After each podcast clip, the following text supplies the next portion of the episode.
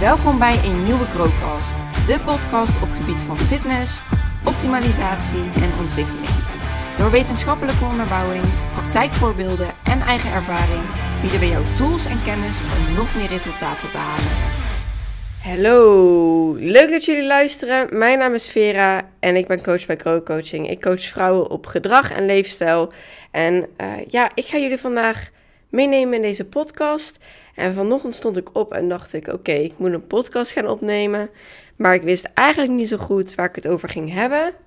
Dus ik had een QA op Insta gegooid. Ik dacht: kunnen jullie lekker wat vragen stellen? En dan ga ik daar in deze podcast gewoon antwoord op geven. Vond ik wel leuk, dus ik laat mezelf een beetje leiden. We gaan gewoon lekker kletsen. Dus het wordt een podcast uit eigen ervaring en uh, praktijkervaring. Dus wat ik zie vanuit buitenaf. Dus helemaal leuk. De eerste vraag die uh, daarop ook binnenkwam, was ook wel een hele. Ja, daarom zeg ik ook eigen ervaring. Want het, de eerste vraag die werd gesteld is wat mijn verhaal is met BED, oftewel binge eating disorder. En ja, hier kan ik echt heel lang over gaan praten, dus ik zal het een beetje kort proberen te houden, maar ik beloof niks. nee, mijn verhaal met BED, uh, zoals de velen van jullie denk ik wel ondertussen zullen weten, heb ik op een dansopleiding gezeten. En daar werd gewoon heel erg veel gelet op fysiek. Je zat continu naar jezelf eigenlijk te kijken in de spiegel. Je vond wat van jezelf. Ehm, je vond van andere mensen wat. En je ging jezelf gewoon ook heel erg vergelijken. En dat deed ik ook. Ik vond mezelf een van de stevigere uit de klas. En ik vond anderen er allemaal veel beter uitzien. En op den deur kwam. Wij kregen eens in de zoveel tijd kregen wij feedback van docenten. Kregen we dat dan eh, op een papiertje of in een gesprek. En toen kreeg ik op de duur te horen dat ik niet fit genoeg was. Ja, geloof me, dat doet wel echt iets met je. Vooral als je al onzeker bent. En dat was ik op dat punt. Want ik voel mezelf al niet mooi. Um, dus ik ging van alles doen om dat te veranderen. Um, ik ging buikspieroefeningen doen in mijn kamer. Dat heb ik echt wel lang gedaan. Omdat ik dacht, ik zag overal eigenlijk dat dat zou helpen. Maar geloof me, eh, dat helpt niet. um, en toen ben ik op den duur ook koolhydraatarm gaan eten. Nou, dat hielp op zich voor even. Maar toen ging ik weer koolhydraten eten. Toen ging weer terug, hè? en uh, toen... Um, dacht ik, oké, ik klop. Oh nee, toen heb ik ook nog shakes gedaan. Want ik zag dat een meisje in mijn klas doen. Toen dacht ik, oké, dit is de oplossing. Want dat werkt dus. En toen ging ik dat doen. Maar ja, zo'n pot, dat gaat ooit op, kan ik je vertellen. En toen die pot op was en ik was een aantal kilo's kwijt, of nou ja, tenminste, er was wat veranderd, ging ik weer normaal eten en kwam het er weer aan. Dus ja, iedere keer werd ik een beetje teleurgesteld. En voelde ik me kak.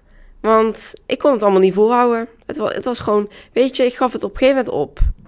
Maar toen ben ik naar mijn docent gelopen die dat op dat briefje had gezet. En gevraagd dat hij een oplossing voor mij had. Want ik was dus blijkbaar afgewezen voor een opdracht daardoor. En toen gaf hij mij een nummer van een persoon die eetschema's deed maken. En daar ben ik toen mee in contact gekomen. Daar ben ik ook naartoe gegaan en hij ging mij toen helemaal zo meten en zo. En hij gaf mij een voedingsschema. Maar jongens, ik ben serieus als ik zeg dat ik echt heel actief was. Ik zat op een dansopleiding, vijf dagen in de week. Dag in dag uit was je alleen maar aan het dansen. Ja, op een paar uur misschien niet na. Dus ik was super actief. En daar, daarnaast gaf ik ook nog dansles. En in het weekend zat ik ook niet per se stil. En ik kreeg een eetschema. Nou, eerlijk, ik vraag me überhaupt af als ik er nu op terugdenk. Hoe ik daarvan heb kunnen leven in die tijd. Het is niet gek dat ik heel weinig energie had, laat ik het zo zeggen. Het was ook vreemd. Het was, ja, heel weinig eten in ieder geval.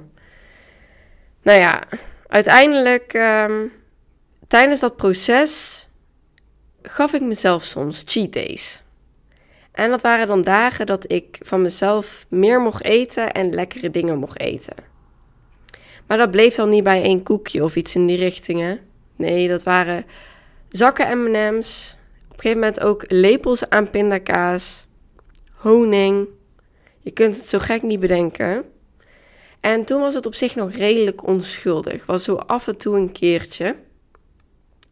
Maar uiteindelijk stopte ik met dat eetschema en bleven die eetbuien terugkomen. Want ik viel natuurlijk weer terug in mijn oude eetpatroon en ik kwam dus weer aan.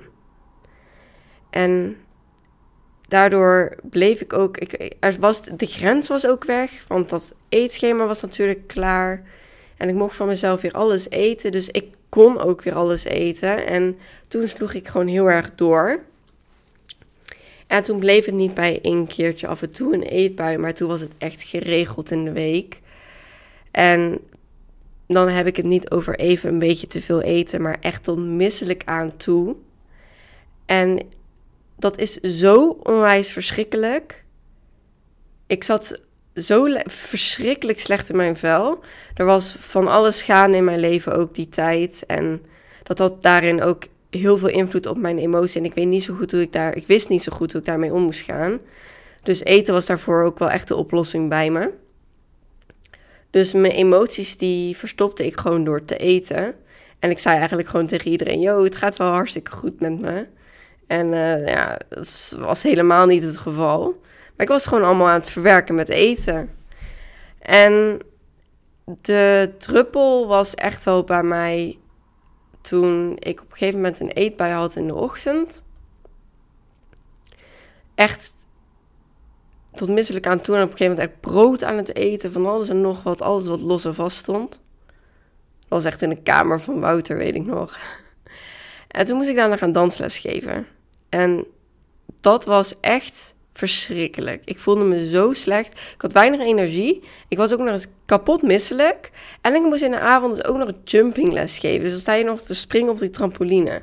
En dat was wel echt het besefmoment dat het echt wel goed mis was. Ehm, in die tijd was ik trouwens ondertussen ook al geswitcht naar een andere coach. Um, waarvan ik had gehoopt dat zij mij zou helpen.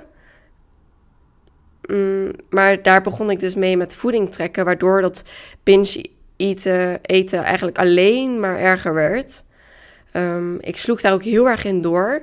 Ik kreeg dan een bepaald caloriebudget en dat ging ik dan helemaal indelen met allerlei lekker eten en lepels chocopasta en koekjes, et cetera. Dus ik maakte daar helemaal misbruik van en deed dat niet op de juiste manier, maar zij zei daar ook niet per se wat van. En het was op een gegeven moment zo erg dat ik zelfs een berichtje stuurde dat ik bang was om groente te eten, omdat ik dan over mijn calorieën heen zou gaan. Dus ik was er echt heel obsessief mee bezig. En ik was wel aan het afvallen, maar ook weer niet. En ik was heel veel kracht ook aan het verliezen. En het was niet de juiste manier in ieder geval. En op den duur kwam er een kantelpunt waarop ik dacht: oké, dit is niet goed. Dit is niet hoe het hoort. Hier moet verandering in komen. En toen ben ik aan de slag gegaan met mezelf. Ik ben in voeding gaan verdiepen. Echt gaan leren over voeding. Wat is het nou eigenlijk? Dus echt meer kennis op gaan doen. Ik ben in zelfontwikkeling gaan duiken. Dus echt aan mezelf gaan werken qua zelfbeeld. En met heel veel mensen over gepraat. Ik ging geen masker meer ophouden. Ik ben echt naar buiten gestapt en heb gezegd: Oké, het gaat gewoon niet helemaal lekker. Er moet iets veranderen. En op den duur ging ik ook kijken of dat ik ander werk kon gaan doen. En ben ik dus ook de fitness ingerold qua werk. Want ik zat al in de fitness. Maar toen dacht ik, ik ben dansdocent. Ik wil ergens anders nog in ontwikkelen. En aangezien ik dit zo interessant vond, ben ik daar toen in gaan rollen. En toen is het al, allemaal langzamerhand beter gegaan. Ik ben mensen gaan helpen, ook ehm, met fitness en voeding. En doordat ik meer kennis opdeed, ook lekker in mijn vel kon, ging zitten, meer uh, gevoel had dat ik ook echt iets bijdroeg in de wereld, ging het allemaal bergopwaarts. En nou, uiteindelijk, nou, jaren later, zit ik hier en voel ik mij fantastisch. En help ik andere vrouwen met zulk, zulke problemen, maar ook niet per se binge eating. Maar het kan van alles zijn in ieder geval. En om dan nog heel even terug te komen op het trekken, want er kwam dus daarop dus nog een andere vraag. Ehm, wanneer het waardevol is om te trekken en wanneer niet. Nou, over het algemeen is er niet per se iets verkeerd met trekken. Want trekken is dus, voor de mensen die het niet weten, voeding bijhouden uh, op calorieën en ook voedingswaardes. En daar is niet per se wat mis mee en dat kan voor veel mensen werken. En als je het op de juiste manier uh, gebruikt, dan is het ook echt wel ja, goed. Laat ik het zo zeggen. Als je het onder de juiste begeleiding ook doet, dan is het echt wel goed. Maar wanneer jij daar misbruik van maakt en jij eigenlijk niet eens per se focust op wat jij binnenkrijgt en wat voeding nou eigenlijk precies inhoudt, maar jou voornamelijk focust op dat cijfertje en dat gaat invullen en daar zo obsessief mee bezig bent dat je niet eens meer buiten huis kan eten of daarvan het plan kan afwijken, dan is het natuurlijk niet helemaal zoals dat het hoort. Dat is niet helemaal nice. En dat is wel iets waar heel veel mensen in weten te vallen. Dus dat ze er obsessief mee omgaan. Dat ze er niet meer van af, uh, af, durven te, uh, af durven te stappen. Of dat ze er überhaupt niet meer van afkomen. Omdat ze er het voor hun gevoel heel erg aan vastzitten. En dat is natuurlijk iets wat je niet wil hebben, maar wat heel erg vaak gebeurt. En dan kom je eigenlijk op het punt waarop ik zeg: dat is eigenlijk precies de reden dat ik er niet mee werk, omdat het voor veel mensen ook niet kan werken. Ik vind namelijk dat het belangrijker is om inzicht te krijgen in je voeding. Dus wat houdt voeding nou eigenlijk in? Wat zijn nou eigenlijk de macronutriënten, et cetera? Hoe krijg je ritme in je voeding? Eet jij voldoende groente, fruit? Hoe werkt verzadiging en hoe kun je jezelf beter verzadigen?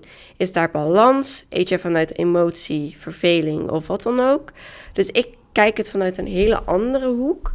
En ik merk dat dat gewoon voor veel mensen veel rustiger werkt, veel minder obsessief. En dat ze daardoor ook het beter weten vast te houden. Want wat nog een nadeel is bij het trekken, is dat als je het dus niet gebruikt om echt inzicht te krijgen in voeding, hè, dus in die voedingswaardes, et cetera maar je blijft bezig met dat cijfertje en je kapt er uiteindelijk mee, dan weet je nog niet wat je moet doen. En dan val je uiteindelijk terug. En dan heb je alleen maar het gevoel dat dat voedingstrekken werkt. Dus krabbel je daar iedere keer weer bij terug.